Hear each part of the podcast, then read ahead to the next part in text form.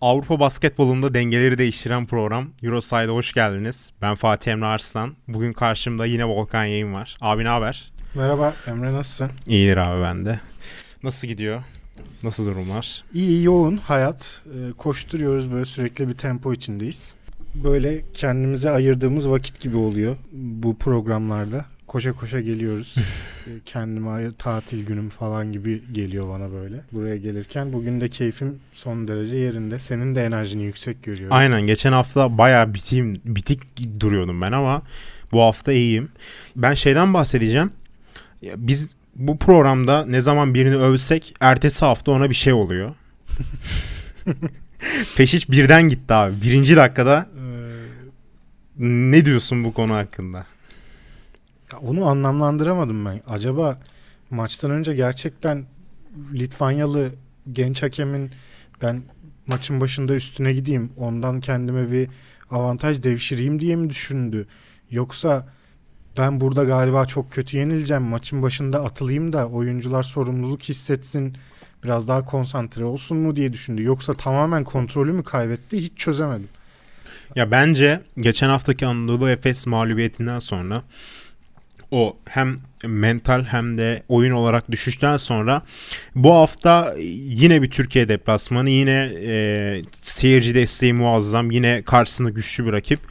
Ya, kontrolünü kesinlikle kaybetti ama ya bilerek neden bırakırsın ki takımını? Ben bence bilerek bırakmaz ya. Öyle düşünüyorum ben. Bilmiyorum ekstra motivasyon devşirmek için yapılabilir. Hakemleri etkilemek için yapılabilir maçın devamında.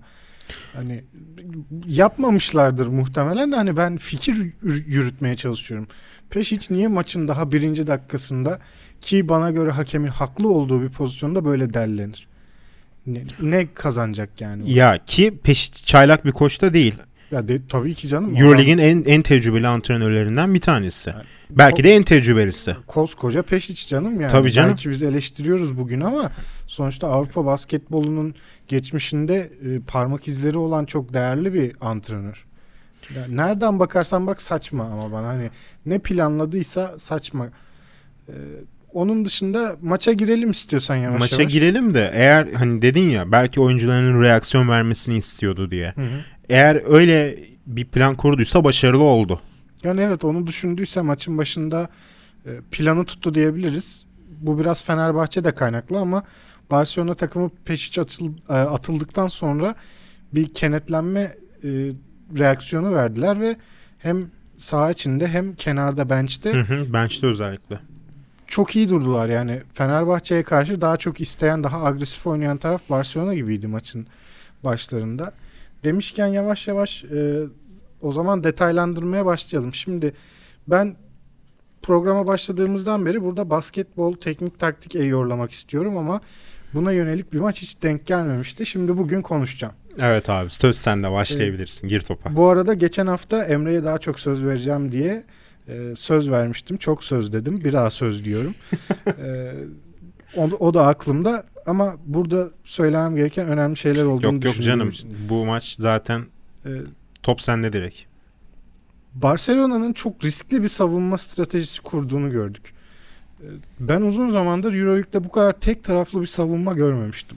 Tamamen boyalı alanı korumaya yönelik dış şutu acayip riske eden, zayıf taraf savunmasını çok riske eden bir savunma ancak işe yaradı ilginç bir şekilde 3 çeyrek boyunca. Barcelona iyi bir savunma yaptı demiyorum ama şöyle açıklayayım bu riskli savunmanın ne olduğunu. Ante Tomic çok kötü bir ikili oyun savunmacısı olduğu için, ayakları çabuk olmadığı için Barcelona Fenerbahçe'nin ikili oyunlarında ikili oyunu yönlendiren toplu oyuncuyu iki kişiyle sıkıştırarak topu orada boğmaya çalıştı. Ve ters taraftaki e, oyuncuyu da içeri düşürüp perde yapıp devrilen oyuncuya getirdiler ki top oraya gelmesin. Kısa devrilme olsa bile. Ona izin vermediler ve ters taraftaki üçlüyü tamamen riske ettiler. Tamamen bomboş. Bomboş. Yani ilk ilk çeyrekte Bobby Dixon'ın attığı üçlükleri gözünün önüne getir. Bomboş. Hepsi boş üçlük. Fenerbahçe tarihinin en çok üçlük denenen maçı bu. Ve bir Jayko Obradovic takımının da bir maçta denediği en yüksek üçlük sayısıydı bu, bu maçtaki. Abi hepsi boş. Atarsın yani bunları. Barcelona öyle bir strateji kurmuş ki topu getiren oyuncuya tam sahada bir baskı var. Daha sonra kullandığı ilk perdede iki kişi topu boğmaya çalışıyorlar ve zayıf taraftan boyalı alana yardım getirerek orayı bir alan savunması gibi kapatıyorlar. Zayıf taraftaki adamı bomboş bırakıp üçlük atmasını istiyorlar. Strateji bu. Aslında baktığında çok komplike bir şey değil. Basit bir şey ve aslında zaafı var. Bomboş üçlük veriyorsun. Ama Fenerbahçe sürekli boş üçlük attı. Sürekli üçlük ata ata ata ata ritme giremedi bir türlü. Çünkü Fenerbahçe'yi son 3 senedir 4 senedir düşündüğün zaman hep abi anlatırken söylediğin ilk şey dengeli takımdır değil mi? İyi savunma yapar, hücumda topu iyi paylaşır, iç dış dengesini iyi kurar vesaire vesaire. Onu bozdular abi. O da Fenerbahçe'yi bence biraz terse yatırdı. Ee, sen ne diyorsun bu konuda? Sana bir pas atayım. Çok uzun süre konuşmayı da sevmiyorum ben böyle programlarda. Sen ne diyorsun Barcelona'nın stratejisiyle alakalı? Abi özellikle son iki haftadır Barcelona hani savunma ağırlıklı bir oyun planıyla sahaya çıkıyor. Efes karşısında da böyleydi. Ama iki maçta da atladıkları şöyle bir şey var. Gerek Efes gerek Fenerbahçe hani Efes'in skorer tarafı daha ağırlıklı tabii ki de Fenerbahçe'de bir oyuncuya e, skor atma imkanı, ritim yakalama imkanı verirsen ki bu ilk yarıda Bobby Dixon'dı. Hı hı. Takım bir şekilde ondan e, nem alıp kenetlenip sana reaksiyon gösterebiliyor. Ki Kostas Lukas'ın Melih Mahmutoğlu'nun son çeyrekte yaptığı bunun ürünüydü. Bobby Dixon'ın hazırladığı e, yemeğin ürünüydü tamamen. Hani Fenerbahçe gibi takımlara karşı e, böyle bir payı verme imkanın yok kesinlikle. Baştan sona tamamen komplike gitmen gerekiyor. Şöyle bir şey yani dediklerine ek olarak e, ben de şöyle bir istatistik tuttum. Tam emin değilim ama dakikasından. Fenerbahçe e, ikinci çeyrekte yaklaşık 8 dakika 2 sayı denemedi. Hı hı. Komple 2 sayı. Şey 3 sayı. Pardon. Zaten bir tane 2 sayılık atış kullandı Fenerbahçe ikinci çeyrekte. O da Bobby Dixon'ın Tom için ikili oyun savunmasında yaptığı hatadan sonra attığı bomboş turnike. Bir tane 2 sayılık atış denemesi var ikinci çeyrek. Geri kalanların hepsi üçlük. Ve hepsi bomboş. Ya öyle garip bir maç ki bu. Ee, ben hikayesini anlatmak isterken şöyle gelirken yolda biraz düşündüm ya ben bu maçı nasıl anlatırım diye. Üç bölüme bölünmesi gerektiğine karar verdim. Birincisi abi Fenerbahçe'nin uyuduğu ilk yarı. Barcelona çok agresif bir savunma stratejisi var ama iyi bir savunma değil. Boş atış veriyorlar. Ona rağmen abi Fenerbahçe'nin sıkıntısı hücum tarafında değildi. 38 sayı 38 sayı attı mı Fenerbahçe ilk yarı? Sanırım. Ee, ikinci 38 son... 37 mi bitti ilk yarı? Ya bakmam lazım. Ya son çeyrek 38 attı. Ondan eminim ama e, ilk yarı skoruna bakayım hemen. Şimdi bunu bir Netflix 3 3 bölümlük Netflix original e, story gibi düşünürsek ilk abi ilk part uyuyan Fenerbahçe. Bobby Dixon uyandırmaya çalışıyor Fenerbahçe'yi üçlüklerle e, gene karşısında örteli bulunca zaten iyi başladı. Sağ olsun reis onu kaçırmıyor hiç. Abi yine takışmaya başladılar. Örtel yine sıvadı. Ya Örtel zaten sıvayacak. Abi Bobby Dixon'la onun baş etmesi mümkün değil. Ha Dixon'ın attığı üçlükler mesela Dixon'ın birebir yarattığı pozisyonlar değil. Pozisyon ona geldiği için atılan üçlükler ama yani Bobby'nin farkı o zaten. Zorlamasına gerek yok. Yani Obradovic'i bir şekilde anlamış. Obradovic diyor ki ona Kardeşim bu pozisyon sana gelecek. Bu top sana gelecek. Sabırlı ol. Geldiğinde de sorumluluk al at. Senin işin bu. Gayet iyi anlıyorlar birbirlerini artık. Kaç senedir beraber çalışıyorlar. Bu arada ilk yarı 37-38 bitmiş. Ee, Baktım şimdi. 37 sayı attı Fenerbahçe ki az değil. Gayet yeterli. Hı hı. Hani bu kadar beklemediğiniz bir savunma stratejisine karşı oynarken 37 fena değil. Hani çok terse de düşebilirdiniz. Olympiakos'un mesela 8 sayıda kaldığı bir çeyrek var bu hafta Milano maçında. Abi. İkinci çeyrekte 8 sayı mı ne atmış? Ya Oli, Olympiakos konuşmak istemiyorum ya. yani, hani öyle bir şey de olabilirdi. Ama asıl Fenerbahçe'nin problemi savunma tarafında. Uyuyor abi Fenerbahçe. Geçen hafta da uyuyordu savunmada. Bu hafta da uyuyor. Şimdi ikili oyunu oynuyor Barcelona tepeden. Ee, kısa devriliyor Tomic veya işte o an kim varsa sahada uzun. Kısa devriliyor alıyor abi. Köşedeki şutörü orada şut için bekletmiyorlar. Topsuz kat yapıyor abi potaya doğru. O topsuz katı kaçırıyor Fenerbahçe bedavadan basket yiyor. Bedavadan basket yiyor. Şimdi Real Madrid maçında da bunları çok gördük. Anthony Randolph sırtı dönük birebir oynarken e, ters taraftan biri topsuz geliyor. Kaçırılıyor ve bedava basket diyorsun falan. Bunlar çok oldu. Bu maçın da ilk parti işte Fenerbahçe'nin uyuduğu bölümde bunlar çok oldu. İkinci part Üçüncü çeyreğin başı. Jayko Obradovic bir şeyi değiştirmeye karar verdi. Ben bu maçı Barcelona'nın istediği gibi oynamayayım dedi. Nasıl başladı? Ahmet'le Veseli beraber çıktılar.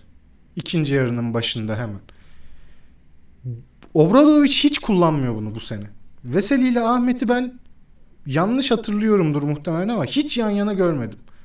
Uzun dakikalar hele hiç görmedim. O kesin. Evet, e, Süper Lig maçlarında görmüş olabiliriz. Ya bilmiyorum onları çok yakın takip etmiyorum.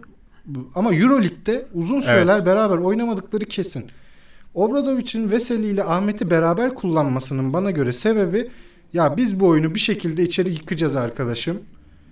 O yüzden stratejimizi de değiştiriyoruz. Hani 4 şütör bir uzun bir devrilen uzundan ziyade iki uzunlu fiziksel üstünlük sağladığımız ve 3 sayılık atışa kalırsak da içeride rebound tehdidi yarattığımız bir 5 olsun dedi.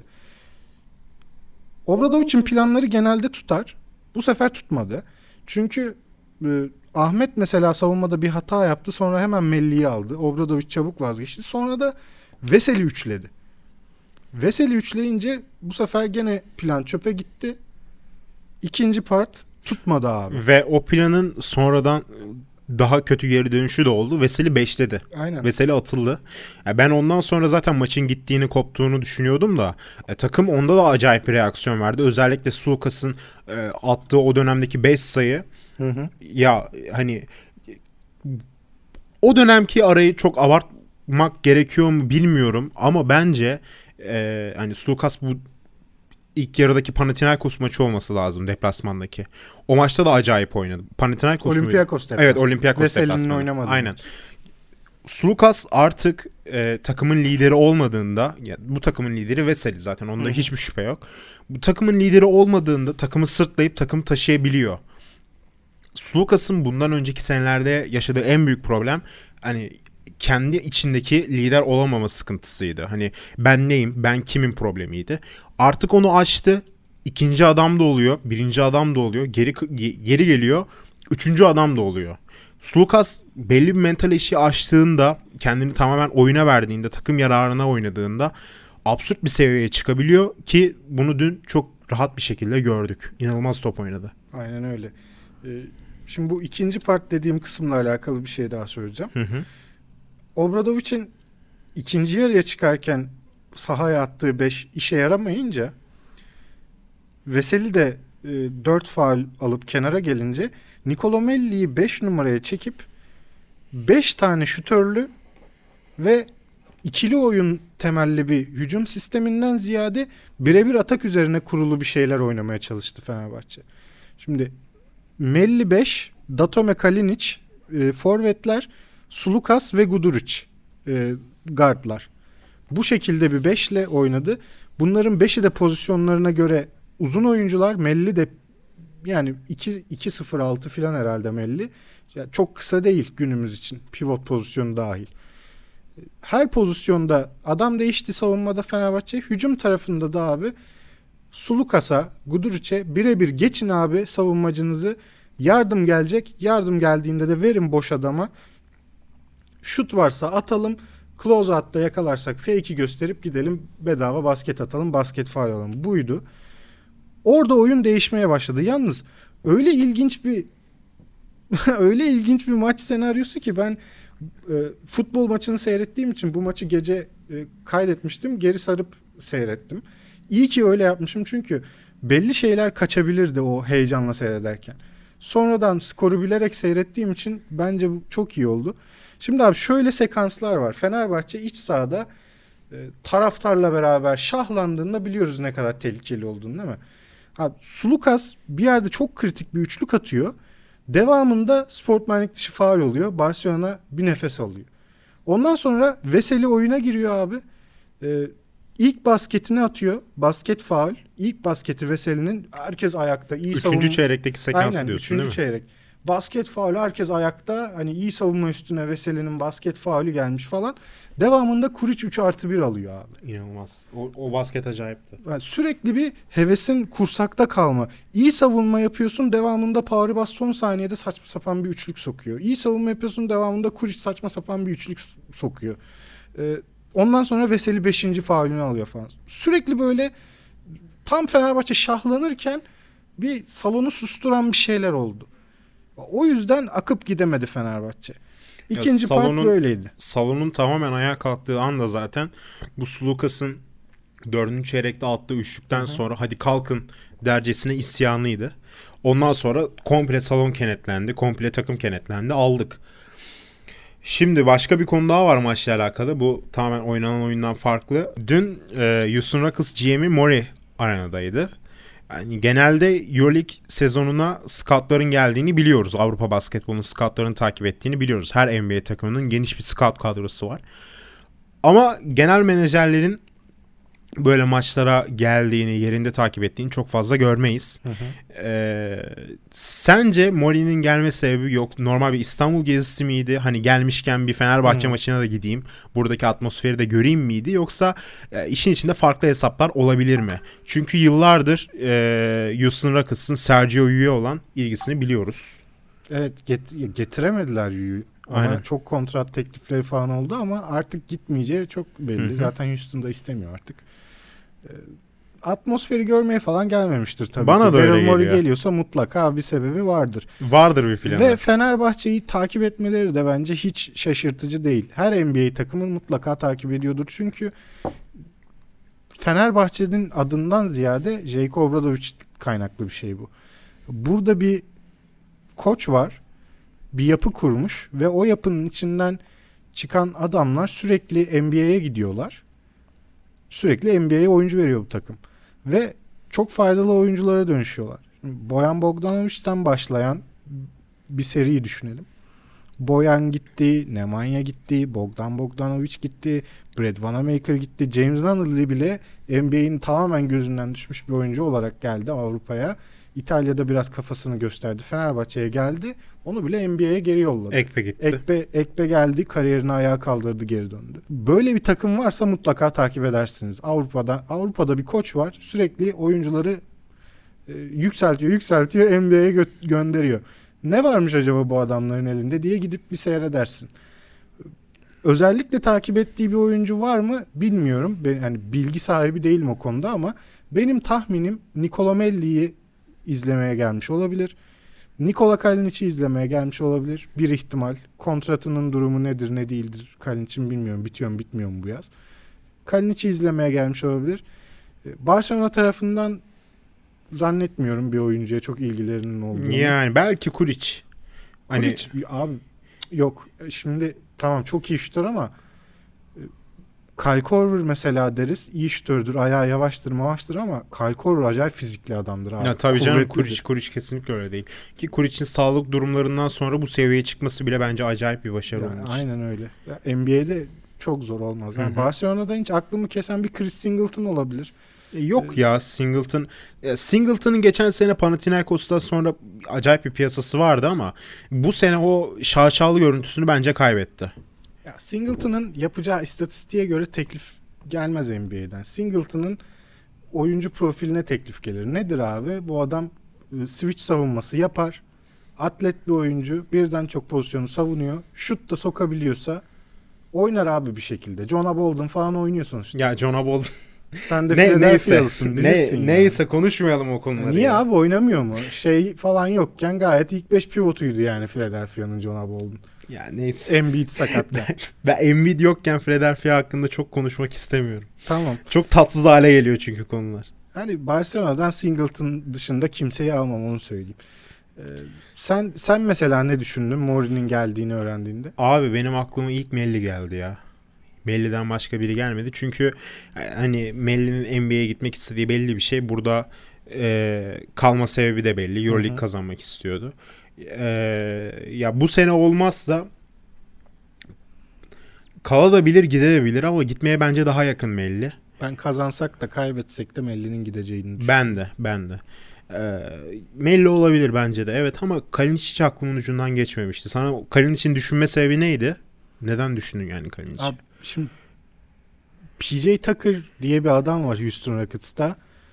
Ee, köşe üçlüğü atmak ve tutkal olmak, iyi savunma yapmak, rebound almak, kuvvetli olmak dışında pek bir özelliği yok. Ama Houston Rockets oynadığı spesifik sistem gereği bu tip tutkal oyunculara çok ihtiyaç duyan bir takım. Topla çok fazla buluşmasa bile savunma konsantrasyonunu yüksek tutabilecek, James Harden'ın Chris Paul'un etrafında oynayabilecek, boş şut geldiğinde sokabilecek birden fazla pozisyonu savunan kuvvetli ve switch savunmasına uygun oyuncu. Şimdi Kalin için yüzü yüzü dönük oyunculara karşı savunması NBA'de çok büyük problem olur. Avrupa'da dahi problem. Bu ayrı bir mevzu ama hani oyuncu profili olarak böyle bir 3 dördüncü wing oyuncumuz, beşinci wing oyuncumuz gibi düşünüp belki e, alabilirler. Ya da sadece e, izlemek için de gelmiş olabilir. Yani İlla ki Kalinic biz bu adamı düşünüyoruz bakalım nasıl topçuymuş diye izlemeye gelmemiştir. Belki sadece ya burada böyle bir kulüp var, böyle bir koç var, sürekli oyuncu gönderiyor NBA'ye. Gidip bakayım bu sene ne var elinde diye gelmiş de olabilir dediğim gibi ama ben olağan şüpheli Nicola Melli diye düşünüyorum. İstersen e, şey yapalım şu 3 parta bölmüştüm. İlk part, ikinci part dedim. Üçüncü part. Biz konuyu bayağı dağıttık. Aynen. Üçüncü part. Tamam abi, abi devam sen. İlk part Fenerbahçe'nin uykusu. İkinci part plan tutmadı abi. Hı hı. Baş, bambaşka bir şey yapıyoruz. Üçüncü part abi at avrat Yunan Gard. öyle bir son çeyrek oynadı ki Sulukas. Ben hikayenin isminde kaldım abi. abi Devam. Çok iyi isim. Mu- muazzam son çeyrek oynadı. Son çeyreğe girilirken 9 sayı 7 asisti vardı Sulukas'ın. 3 çeyrek iyi istatistik 3 çeyrek için ama domine etti son çeyrek. Aldı takımı sırtına koydu. Melli ile beraber. Ee, ve işte Obradovic zaten maçı bu 5 şutöre dönüp Melli 5 numaradayken bit- bitirdi. Ana plan o oldu yani ikinci yarı.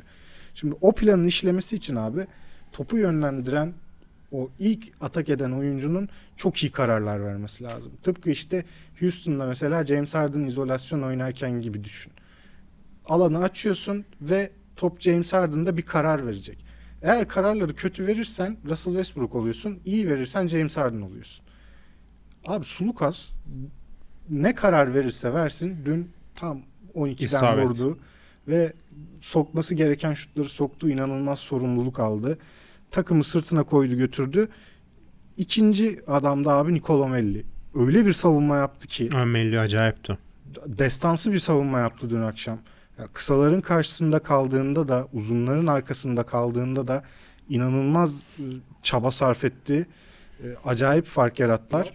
E, ve Melih Mahmutoğlu'na tabii bir parantez tabii. açmak lazım. Kaptan çok e, kritik üçlükler soktu ve Barcelona'nın bu kadar 3 sayıyı riske ettiği bir günde Obradoviç de muhtemelen şeyi düşündü kendi kendine. Lan benim elimde Melih gibi bir adam var. Bunlar da bu kadar boş üçlük bırakıyorsa benim bu adamı kullanmam lazım demiş olabilir. E, Sulukas'ın önderliğinde son çeyrekte bu 5 şütörlü sistem e, Barcelona'yı durdurdu. Çok fazla da sayı e, atmayı başardı söylediğin gibi senin daha önce Fenerbahçe hı hı. ve maçı kazanmayı başardı. E, ama gene de çok tatmin edici bir oyun Fenerbahçe tarafından var mıydı dersen yoktu. Ya geçen hafta burada şey konuşmuştuk. Hani Real Madrid karşısında alınan mağlubiyetin ardından Fenerbahçe çıkacak Barcelona'yı tek yumrukta yani. komaya sokacak şeklinde konuşmuştuk ama e, ya öyle bir oyun yoktu sahada. Bunu doğru konuşmak lazım. Melli konusuna gelecek olursak istatistiksel olarak tam sayı rebound rakamlarını bilmiyorum ama eğer maça gizli bir kahraman seçmek istiyorsak bu kesinlikle Melli zaten. Onda hiçbir şüphe yok. 13 sayı, 5 rebound, 1 asist, bir top çalma, 2 blok. Yani istatistiksel olarak da zaten daha ne yapsın? Evet o zaman e, bir diğer maça geçelim. İkimiz de izlemedik gerçi maçı ama. E, ben Efes maçını seyrettim. Çok dikkatli seyredemedim. O zaman tamam Efes maçından devam edelim. Ben Panathinaikos CSK diyecektim. Ha Pardon ben Efes'e geçiyorsun zannettim. Efes'i de izlemedim demiştin ya bana. Hı hı. Oradan kafam karıştı. Kusura bakma. Karışmayayım o zaman. Sen nasıl devam etmek istiyorsan öyle gidelim. Tamam Panathinaikos CSK diyelim. Ee, Panathinaikos adına öne, epey önemli bir maçtı. Çünkü playoff patasından kaybederlerse bir tık daha uzaklaşacaklardı. Ama takım CSK'nın e, 5-6 sayı farklı öne geçmesine rağmen çok iyi reaksiyon verdi. Özellikle Papa Petru'nun performansı takdire şayandı. Burada e, Pitino'nun e, yaptığı koçluğu da övmek gerekiyor.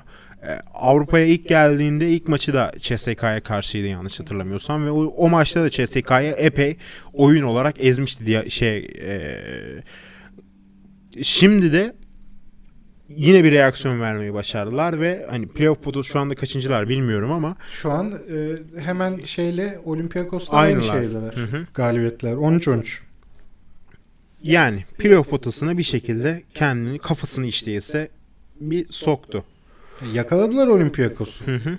Ya Kalates'in rezalet çirkin bir son soğuştu var. Aynen çok güzel söyledin. Abi hani şey olarak güzel, hikaye olarak güzel ama özellikle hani son dakikada Panathinaikos çok iyi döndü. Ben açıkçası şöyle söyleyeyim. Dodeka bende biliyorsunuz. Hı hı.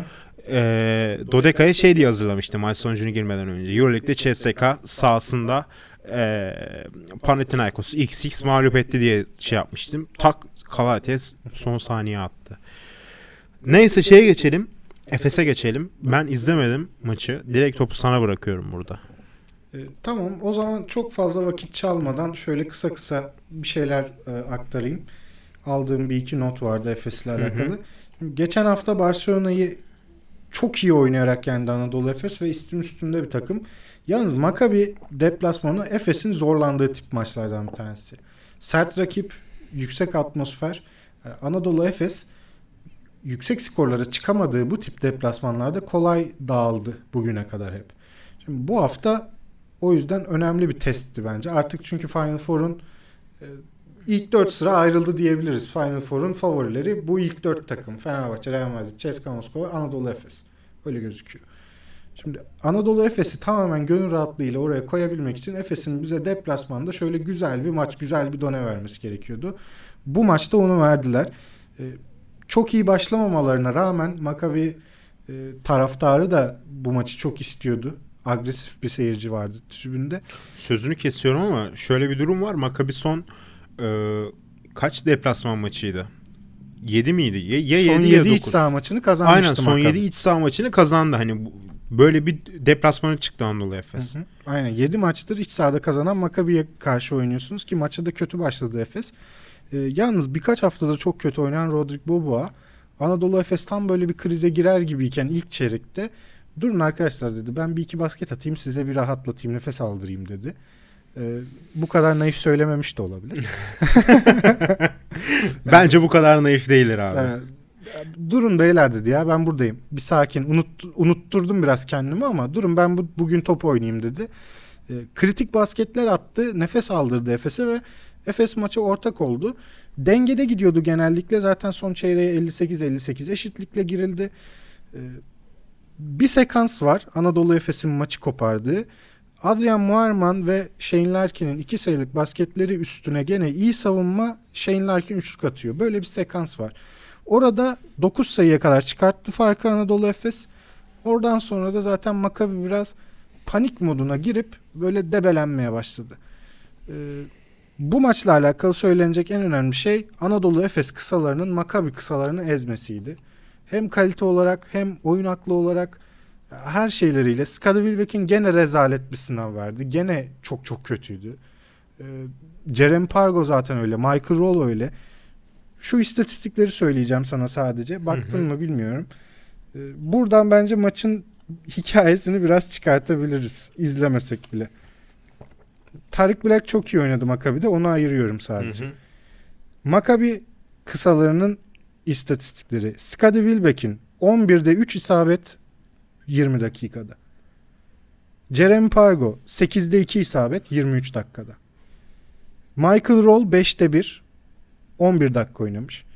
DeAndre Kane 12 dakika oynamış 4'te 0 2'de 0'da serbest atışı var. Kolsuz herifin. yani bunu ya tabii ki Efes'e karşı atmasın o başka bir mevzu Tabii da. canım. Ben DeAndre Kane sevmiyorum. Abi, Twitter'dan takip benim- eden bilir. Benim en büyük hayalim şu an için en büyük hayalim Efes Fenerbahçe Euroleague finali. Çok isterim bunu.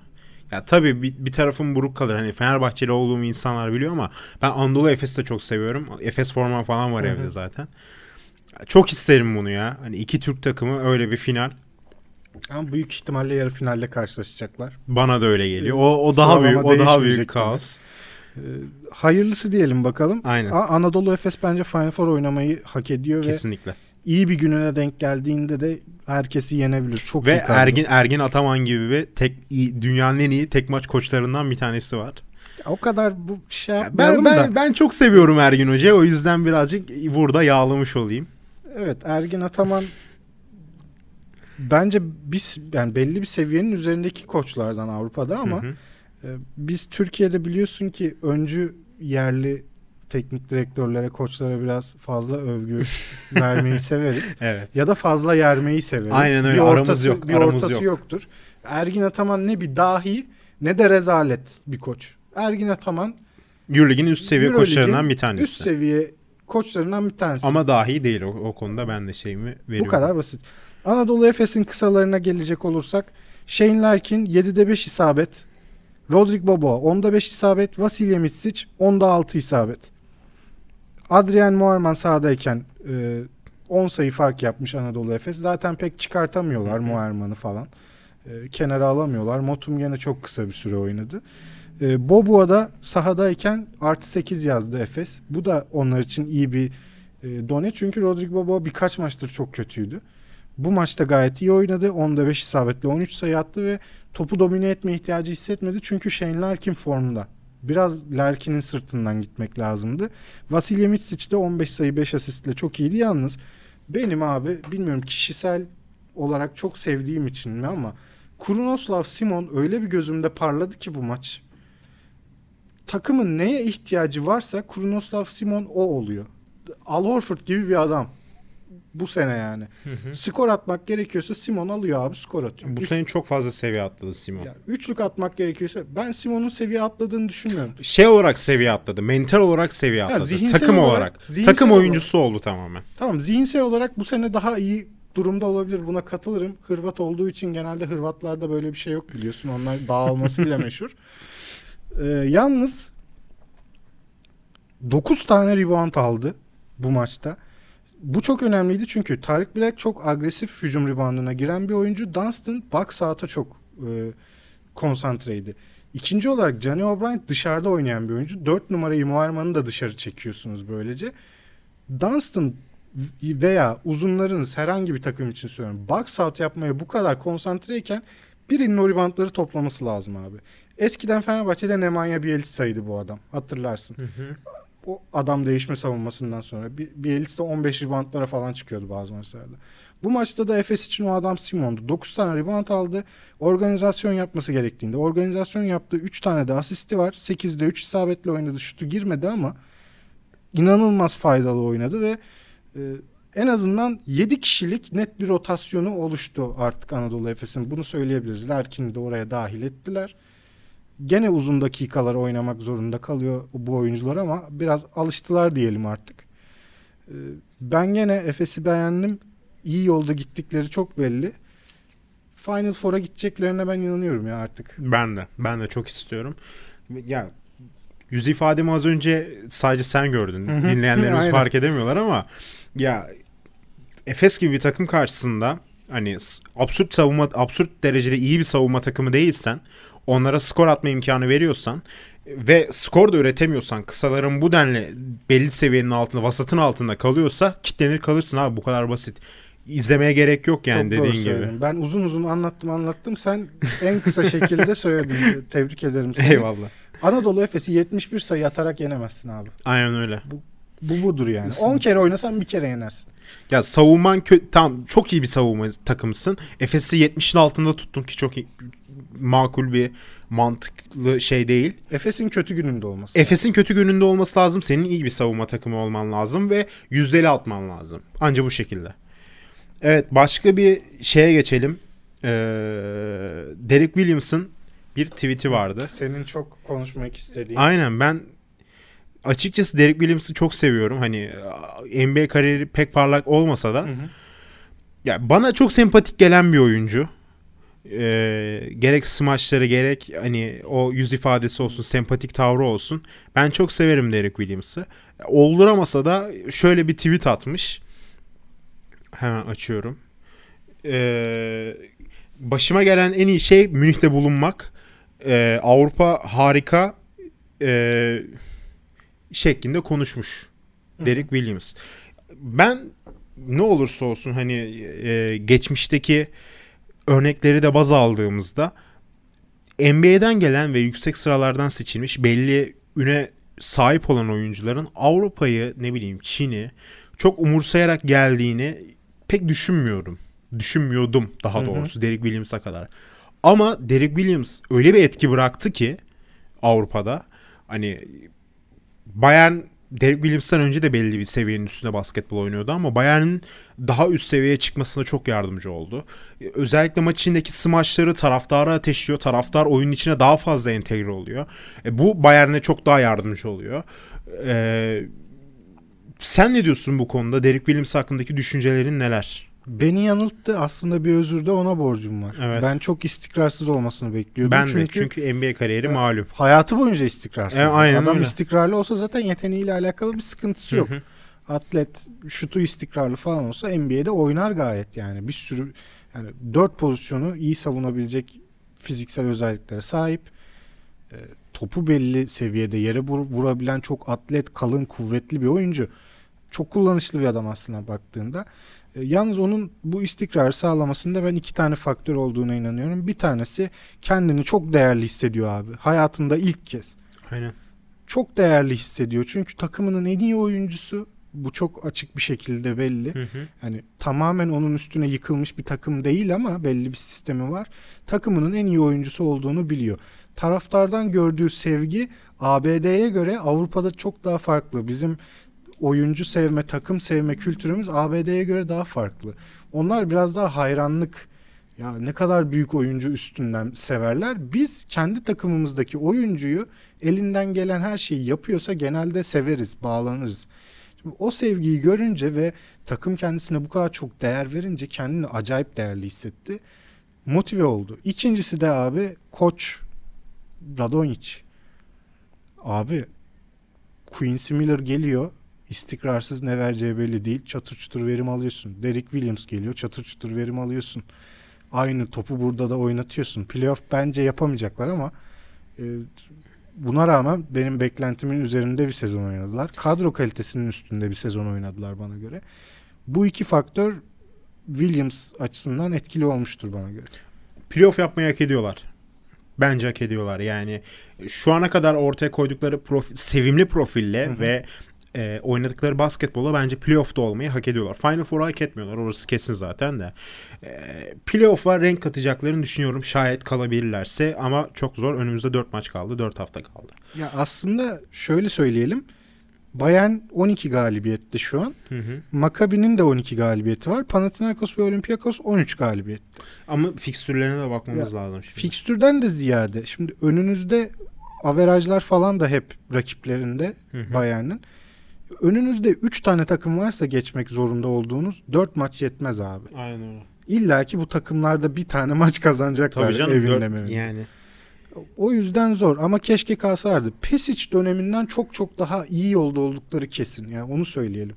Pesic'le yapmışlardı bu ilk yatırımı biliyorsun. Bayern'in basketbol yatırımı. Pesic gelmişti başına.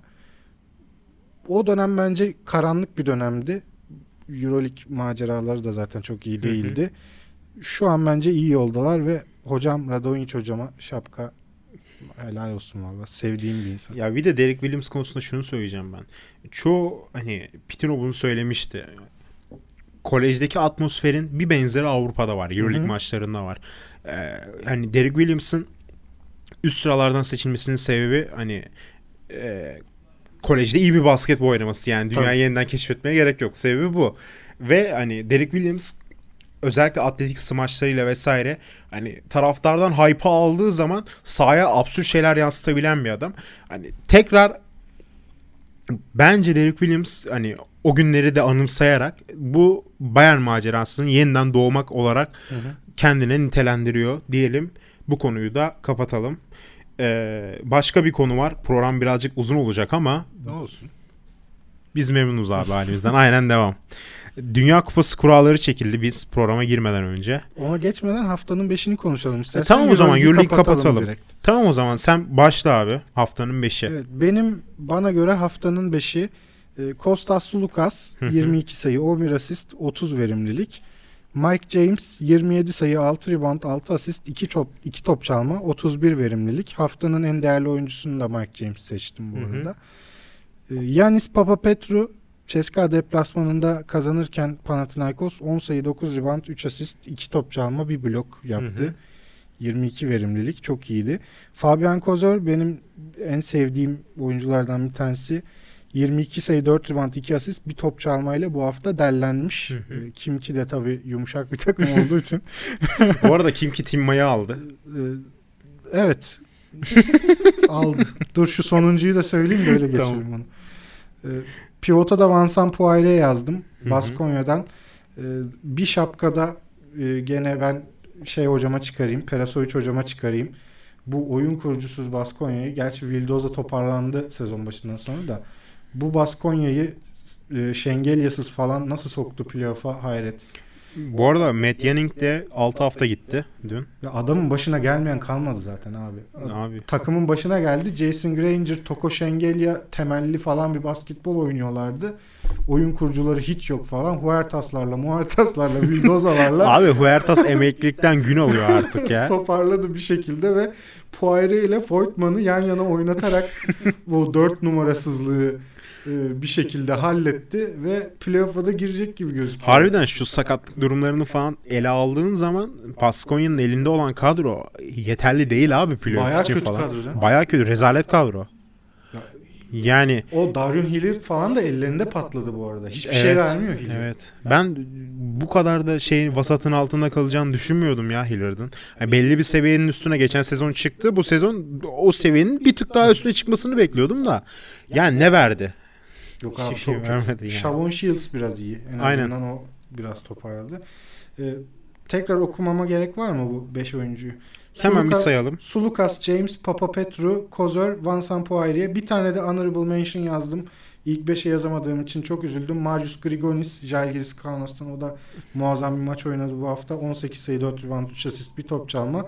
Haftanın koçu da Simeone Pianigiani dedim. Ee, benim 5 bu arada Mike James'ten çok özür diliyorum. Gerçekten çok özür diliyorum. Onu artık hani ben de onurlandıracağım ek olarak. Benim 5 Slukas, Kozor, e, Papa Petru, Poirier, Brandon Davies, koç da Pitino. Okey. Mike James'ten tekrar özür diliyorum. Bizi dinliyordur eminim. Bu şey kaç sayı attı? 66 sayı mı ne attı Milano? 27'sini attı. 6 da asisti var abi. İnanılmaz abi. James. MVP tezahüratları falan yapıldı adama. Ki al kazanacak muhtemelen. Bana da öyle geliyor. Bir Veseli'nin sakatlığı sonrasında Aynen. Böyle bir maç daha oynasın sezon bitmeden. Bana göre Veseli daha çok hak edecek. Daha uzun süre daha iyi oynadığı için ama sezon sonunu en iyi oynayan öne çıkıyor. İstatistiksel olarak da Mike James çok daha e, parlak istatistiklere şöyle sahip. bir durum var. Veseli takımla birlikte iyi oluyor. Evet. Veseli bireysel olarak absürt istatistikler tutturmuyor. Mike James bireysel olarak absürt bir oyun ortaya koyuyor. Ya ama yani ya bilmiyorum. Ben duygusal da bakıyorum işin içine. Veseli'nin bu sezon atladığı seviyeden sonra ödülün onun hakkında olduğunu düşünüyorum ama Mike James'in ondan aşağı kalır yanı yok. Bu onun hakkını Abi verelim. son bir aya kadar Yan Veseli'ydi bence açık ara. Tabii canım Veseli'nin sakatlık olayı birazcık olayı bozdu. Sakatlanana kadar açık araydı Veseli muazzam gidiyordu. Yalnız James'in şöyle bir avantajı var işte. Takım tamamen onun takımı olduğu için e, çok iyi bir tane maç oynadığı zaman, maç aldığı zaman çok göze batıyor. Çok konuşuluyor. İşte şimdi o maçın skoruna bakıyordum teyit etmek için. 66 sayı atabilmiş Milano. 27 sayı atıyorsun 6 asist yapıyorsun abi.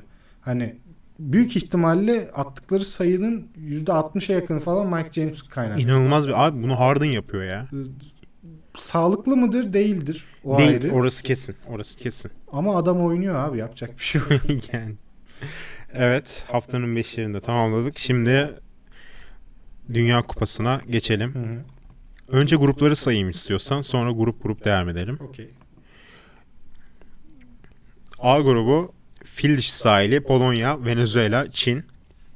B grubu Rusya, Arjantin, Güney Kore, Nijerya. C grubu İspanya, İran, e, Porto Rico, Tunus. D grubu Angola, Filipinler, İtalya, Sırbistan. E grubu Türkiye, Çekya, ABD, Japonya. F Yunanistan, Yeni Zelanda, Brezilya, Karadağ. G Dominik Cumhuriyeti, Fransa, Almanya, Ürdün. H grubu da Kanada, Senegal, Litvanya, Avustralya. Şimdi öncelikle A grubundan başlayalım diyeceğim de A grubunda konuşacak bir şeyimiz yok. Ha Ya- bu gruptan kimse çıkmasın ya. A grubu ya işte bir şekilde abi bu şeyin e, Bu, bu ne abi? Ponitka falan oynayacak şeyde.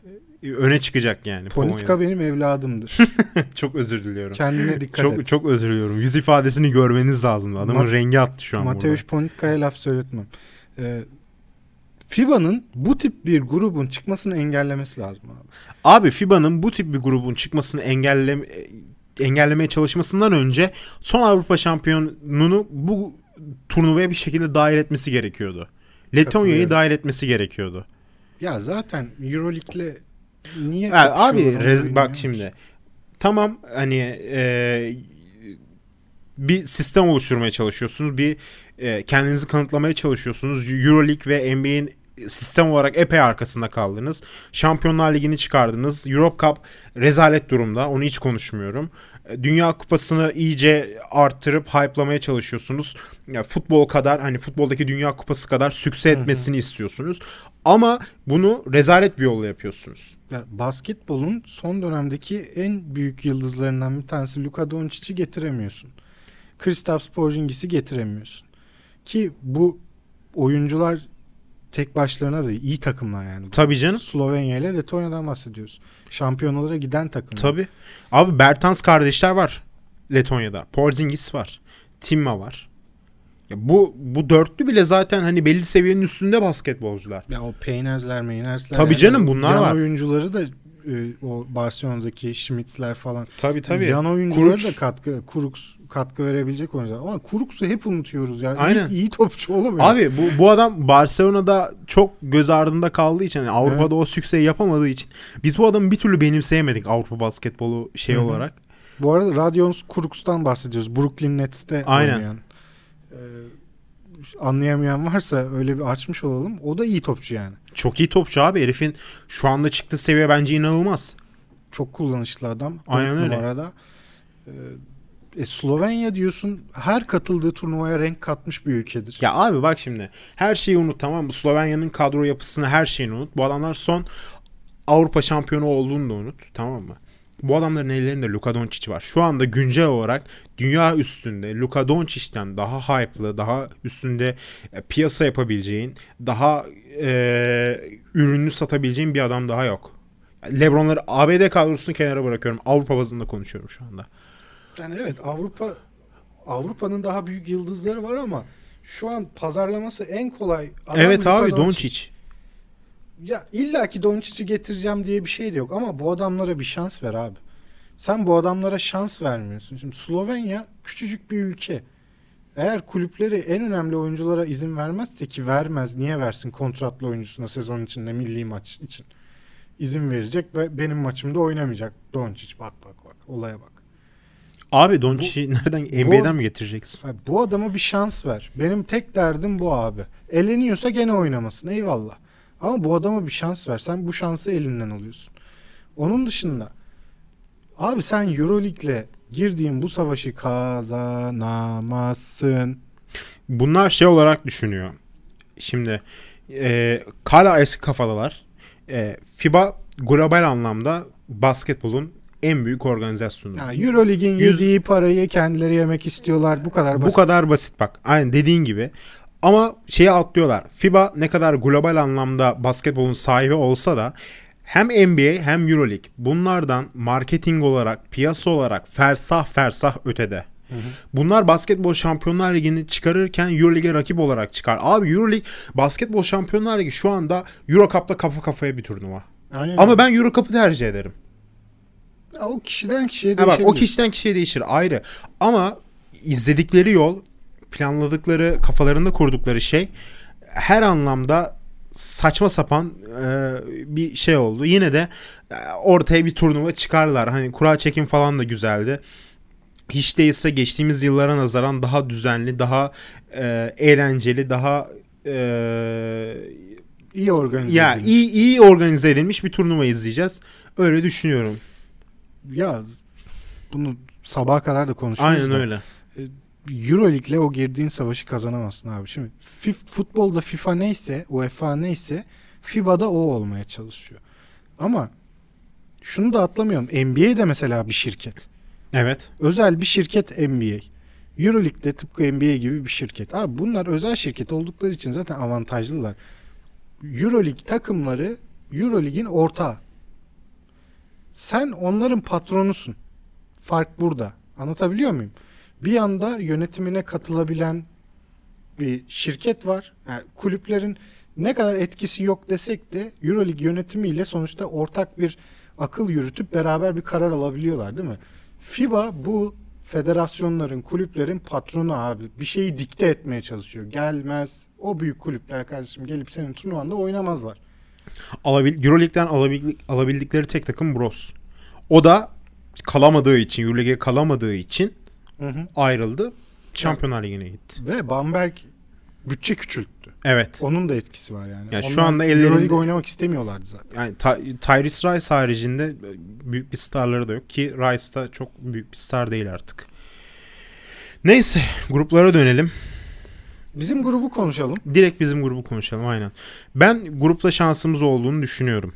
Ben çıkarız diyorum. Ee, çünkü hani Çekya Japonya hakkında hiçbir fikrim yok. N- Hani ellerinde kim var onu da bilmiyorum. Bir şu Memphis'teki çocuk var galiba. O oynar. Yuto neydi? Yuto Watanabe. Watanabe. O oynar. Ee, Çekya'da bize çok tanıdık bir isim Veseli var. Satoranski var. Ee, Blake Shield var. Ya Ado Blake Shield de ne kadar artık Oynayacak mı oynamayacak mı bilmiyorum. Belki başka birini devşirirler. büyük Şey ihtimalle bilmiyorum. devşirirler. Ya e, Veseli ve e, Satoranski haricinde ellerinde çok elle tutulur. Onları öne taşıyacak bir parça yok. Jirivesh bıraktım abi. Ben en çok onu merak ediyorum. Ben hep bıraktı zannediyorum ama her turnuvada Jirivesh bir yerden çıkıyor. Abi Fin- Finlandiya'nın da öyle bir topçusu vardı ya. Kimdi o? Şey Abi ya. Neyse abi o Finlandiya'daki abiye çok selam olsun. Devam edelim. Ee, biz uzun süredir hani çok uzun süre olmasa da yine de birlikte ol- olan, birlikte hareket etmeyi başaran bir takıma sahibiz. Ee, o açıdan yine de çabuk uyum sağlayabileceğimizi düşünüyorum şu anki sisteme. Ee, yani turnuvaya çabuk adapte olabileceğimizi düşünüyorum. Bakalım ABD'yi konuşmaya zaten gerek yok. Adamlar direkt bire yaz onları. Ya, Çekya ile biz ikincilik için bir savaşımız olacak. Muhtemelen. Ee, kazananın biz olacağımızı umuyorum. Ben de öyle umuyorum. Sahadaki en iyi iki oyuncu Veseli ve Satoranski dahi olsa biz Çekya ile oynarken, Çek Cumhuriyeti ile oynarken genel toplamda takım olarak, takım kalitesi olarak biz daha öndeyiz abi. Ben öyle görüyorum. Çek Cumhuriyeti'ni en son seyrettiğimde çünkü bu şey Gran Canaria'nın yedek pivotu kimdi o? Kütük. Bol- Baldwin. Andre Baldwin'ler falan ciddi süreler alıyordu Çek Cumhuriyeti'nde. Yani Veseli kenara geldiğinde ya da Veseli ile beraber falan. Şimdi o Baldwin'in ciddi süre aldığı takım abi takımı bizim yenebiliyor olmamız lazım. Benim şu anda yani kurduğum düz mantık bu. Genel kalite olarak da bence biz daha yukarıda alacağız. Furkan oynayamayacak galiba. Yo sakatlığı bir ay onun Ee, ve 3 haftası sanırım geçti. Oynayacaksa çok çok iyi haber. Furkan oynayacaksa süper. Ama riske eder mi kendini o var. Ya işte bir de Ya- kuvvetlenmesi lazım ya. Bu yaz kuvvetlenmeye ayırabilir belki. Bilmiyorum. Ya şöyle bir şey var. Furkan'ın kontratı da bitiyor. Philadelphia'daki. Ee, bu yaz serbest olacak. Furkan'ın e, kafasının yarısı da orada olacak. Buna hiç şüphe yok. Ee, NBA'de kalacak mı? Avrupa'ya dönecek mi? NBA'de kalacak. Hani dürüst olmamız gerekiyor. NBA'de kalacak. Şu anda bir süksesi yok. Ona kontrat verecek takımlar hani New York Knicks'in de e, Kevin Durant ve Kyrie Irving'e odaklanacağını düşünürsek ya belli başlı takımlar ne bileyim Atlanta Hawks e, Memphis'i düşünmüyorum bile. Memphis çünkü büyük ihtimal önümüzdeki sezon itibariyle tekrar toparlanmaya oynayacak. Hmm. Yani rebuilding takımları Cleveland belki olabilir. Bilmiyorum. Furkan akıbeti ne olacak orada? Atlanta çok tatlı olmaz mı? Çok Ben güzel olur. Atlanta'yı. Ben de çok seviyorum. Sempatik takım. Sempatik alır. bana. Ama bu turnuva mesela kontrat alması için de iyi bir fırsat olabilir. Tabii ki İyi ama kontratının şey e, turnuvanın e, yazın sonunda olacağını hesap edersek ya, biraz Furkan için sıkıntılı çünkü yaz sonuna kadar takımlar e, kadrolarını tam ana hatlarıyla kadrolarını tamamlamış Bu kadar oluyorlar. geç mi oynanacak? Evet. E, belki e, Furkan'ın alabileceği şey e, two way olur, kamp kontratı olur. E, tabii onları aldıktan sonra da Avrupa'daki takımların kadrolarına yetişemiyorsun falan filan. E, birazcık şey oluyor. Two falan kalmaz ya. Bana da öyle geliyor. Alırsa ya bir yıllık kalır ya da Avrupa'ya döner. G Ligi falan hiç düşünmüyorum bile. Two falan kalmasın artık ya. Gelsin ya abi gelsin Fenerbahçe'de Efes'te bir sene oynasın en kötü ihtimalle. Gider gene Burada- gider. abi Gencecik burada- adam yani. Ya burada oynayabilecek seviyeye net sahip zaten. Tabii canım. Avrupa'da oynayabilecek seviyenin üstünde Furkan. Ya bir kuvvetlense NBA'de de oynayacak. Tabii O- canım. Çok eminim ama sürekli bir sakatlanıyor ve yaz boş geçiyor İnanın falan. bak Böyle inanın ben var. bu kadar şanssız bir adam görmedim. çok şanslı. İnanılmaz şanssız. Yetenek konusunda hiçbir problemi yok. Güncel NBA'ye tamamen oturabilecek bir adam. Topu yere vurabiliyor, şut atabiliyor. Ama ya e, takımdaki mev- Philadelphia'daki mevcut durumdan dolayı bir şekilde psikolojik olarak geride kalıyor. E, o şans bulduğunda da kendini fazla kanıtlamaya istiyor bazen. Orada bocalıyor falan filan. Neyse bu sefer programı çok uzattık. Hemen Aynen, çok fazla uzatmayalım ee, istersen. gruplardan kim çıkacak onları bir söyleyip tahminlerimizi yapıp kapatalım. Benim önümde yok. Sen söyle ben katılayım. Başka bir zaman konuşuruz gene. Dur sana çeviririm ben. A grubundan e, Çin ve Polonya diyelim.